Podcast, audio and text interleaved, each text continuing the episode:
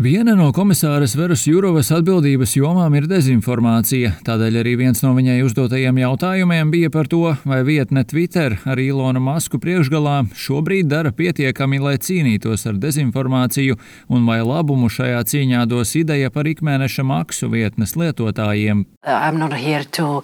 Make any evaluation on, on, on his uh, decisions regarding the way he operates on the market. Es neesmu šeit, lai novērtētu viņa lēmumus par to, kā viņš darbojas tirgū.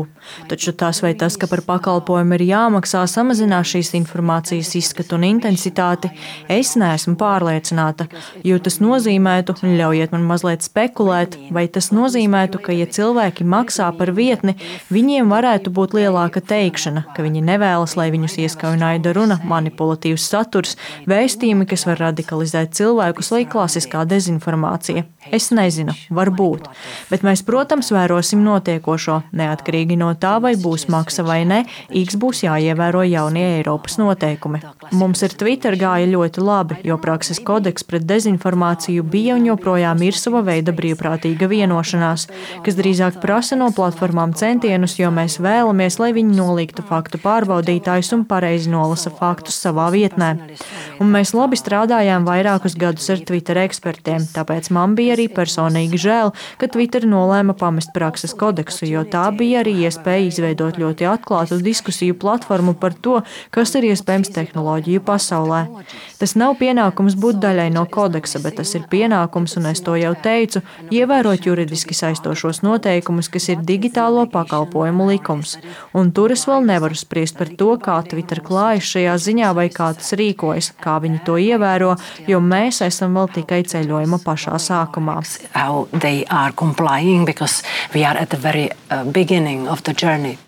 Visbiežāk komisārai tiek uzdoti jautājumi par likuma varas ievērošanu dalībvalstīs, un šādi jautājumi sekoja arī šoreiz. Savā runā par stāvokli Eiropas Savienībā komisijas priekšsēdētāja Urzula Fonderleina sacīja, ka ikgadējie ziņojumi par tiesiskumu dalībvalstīs tagad tiks attiecināti arī uz tām valstīm, kas vēl tikai pievienosies blokam. Bet kā tas darbosies? Yes, there will be two parallel tracks. Uh, I have to say I appreciate this, this idea. I, I Jā, būs divi paralēli ceļi. Man jāsaka, ka es novērtēju šo ideju. Uzskatu, ka tā ir īstenojama un noderīga. Abi ceļi, protams, ir šīs klasiskās sarunas.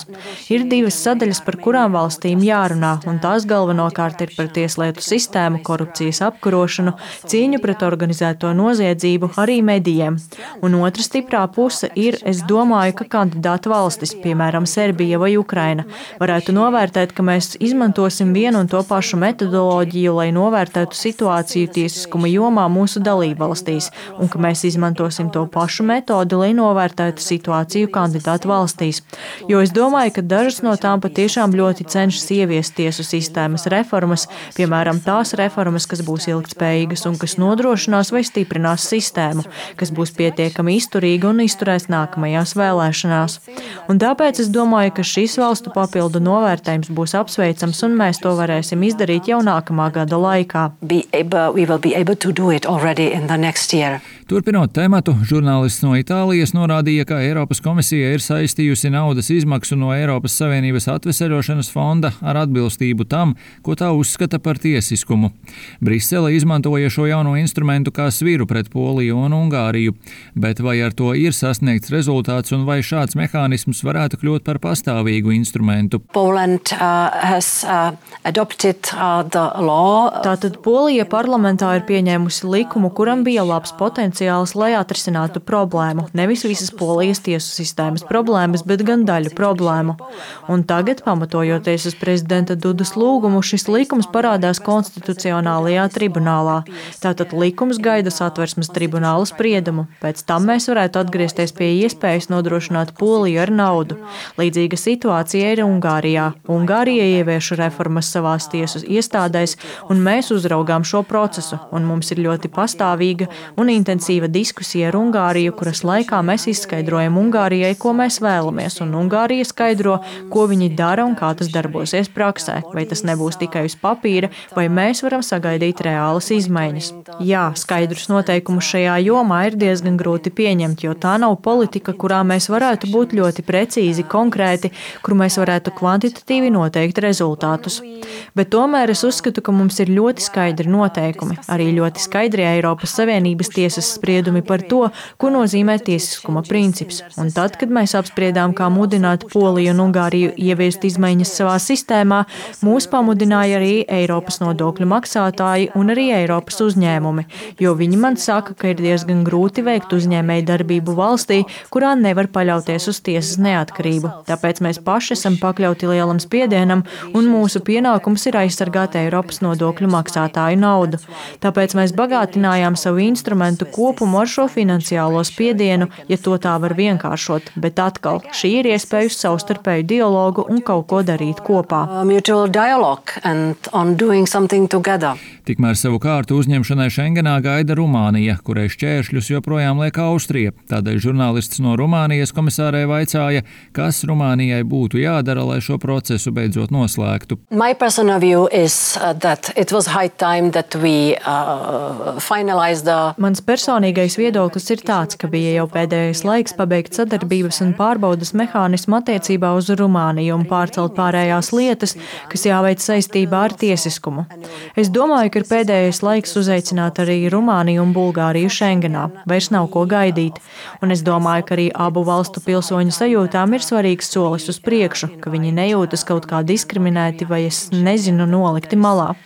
Runājot par Austriju, mans ieteikums Rumānijas ministriem un vēstniekiem, kā arī visās sarunās ar Rumānijas pārstāvjiem, mans ieteikums ir pastiprināt jūsu divpusējos diplomātiskos centienus, lai pārliecinātu, jo īpaši dalību valstis, kurām ir zināmas šaubas, ka tām ir jāatsakās no šīm šaubām, no Austrijas argumentiem par Rumānijas pūlēm migrācijas jomā. Es domāju, ka Rumānijai ir daudz ko teikt Austrijai, ka Austrijai ir jāatsakās no veto, tāpēc es ceru, ka mēs to paveiksim līdz gada beigām. Uh, Eiropas parlamentu nesen satricināja arī Katargeitas skandāls, kā rezultātā tika pieņemti jaunie ētikas un caurskatāmības noteikumi. Lūk, ko komisāri sacīja par to, vai jaunie noteikumi par pārredzamības reģistru būs efektīvi, lai nākotnē novērstu korupciju blokā, un ko varētu mainīt komisāras ierosinājums par neatkarīgas ētikas institūcijas izveidi. We all have to do much more. And I know that the Qatar gate concerned mainly. Mums visiem ir jādara daudz vairāk, un es zinu, ka Qatar gate galvenokārt skar Eiropas parlamenta deputātus, bet cilvēki neredz atšķirību. Vai tas būtu parlaments vai komisija vai kas cits Briselē, tauta vienmēr teiks, ka Briselē kaut kas ir sapuvis, viņiem ir lielas algas un viņi slikti uzvedas par mūsu naudu. Tāpēc es domāju, ka mūsu kopīgais pienākums ir darīt vairāk. Bet atgriežoties pie jūsu jautājuma, es novērtēju, novērtēju, ka parlaments virzījās pareizajā virzienā, jo, protams, mēs jau esam politiskās kampaņas sākumā pirms vēlēšanām. Un, ja kaut kas attur cilvēkus no došanās uz vēlēšanām vai došanās balsot, tad tas ir sarūktinājums par varas ļaunprātīgu izmantošanu, nepelnītām privilēģijām, korupciju un nepareizu komunikāciju. Tāpēc es domāju, ka ir pēdējais laiks, lai parlaments nāktu klajā ar kādu risinājumu. Protams, ētikas institūcija nevar izmeklēt atsevišķus gadījumus un nevar sodīt cilvēkus. Pirmkārt, mums 2020. gadā būtu jāizveido milzīgs liels birojs, kas nodarbojas ar tūkstošiem lietu tikai komisijai. Manuprāt, tas bija 5000 disciplināru lietu. Iedomājieties darbības jomu, un arī ētikas institūcijai nav nekāda tiesiska pamata. Tas nav noteikts pamatojoties uz precīzu līguma tekstu. Tam vajadzētu būt starp institūciju līgumam, un tas ir pārāk vājš iespējamai cilvēku sodīšanai. Es nevaru iedomāties, ka mēs varētu tikt tik tālu of people, I cannot imagine we would, uh, we would go that far. Turpinot tēmu par to, kādēļ Eiropas Savienības pilsoņi nevēlas doties uz vēlēšanām, komisārai žurnālists no Igaunijas uzdeva jautājumu par to, kas tiek darīts Eiropas Savienības līmenī, lai Eiropas pilsoņi vairāk interesētos par Eiropas politiku. COVID, the vaccination, the, the, the Covid laikā Eiropas Savienībā bija izstrādāta vakcinācijas pase, ko iedzīvotāji varēja izmantot. Tāpat Covid laikā iedzīvotāji nepamanīja nekādus šķēršļus vienotajā tirgū, piegādes ķēdes netika pārtrauktas.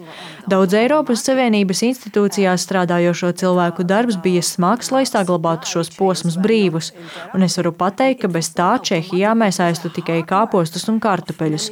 Taču cilvēki nemaz nejuta, ka kaut kas notiek ar tirgu, un tas bija daudz Eiropas līmenī strādājošo cilvēku darbs. Šīs ir lietas, kas mums cilvēkiem ir jāatgādina un jāpaskaidro. Arī Krievijas karš, Krievijas agresija pret Ukrainu, enerģētiskā krīze, daudzas ar to saistītās lietas. Domāju, ka tauta apzinās, ka īpaši mūsu valstīs dzīvojušie, un jūs esat no Igaunijas, tāpēc no tās Eiropas daļas mēs saprotam, ka ja mēs nebūtu Eiropas Savienībā un NATO, tad Putina imperialistiskā apetīte tiešām gribētu mūs visus atkal norīt. Tagad mēs esam pārāk liels kumos, ko norīt. Es domāju, ka šīs divas krīzes cilvēkiem arī padarīja skaidrāku to, kāpēc viņiem vajadzētu novērtēt Eiropas Savienību, taču ir jāskaidro un jādara arī daudzas citas lietas.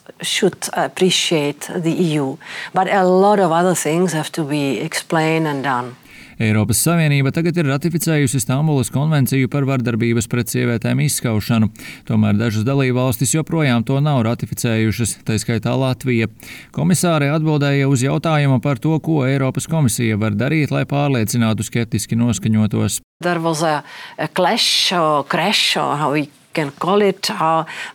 Notika tāda kā sadursme ar vairāku dalību valstu konservatīvajām varām, konservatīvajiem spēkiem, kas sniedz satraucošas ziņas un idejas par to, kā Stambulas konvencija varētu tikt interpretēta nākotnē.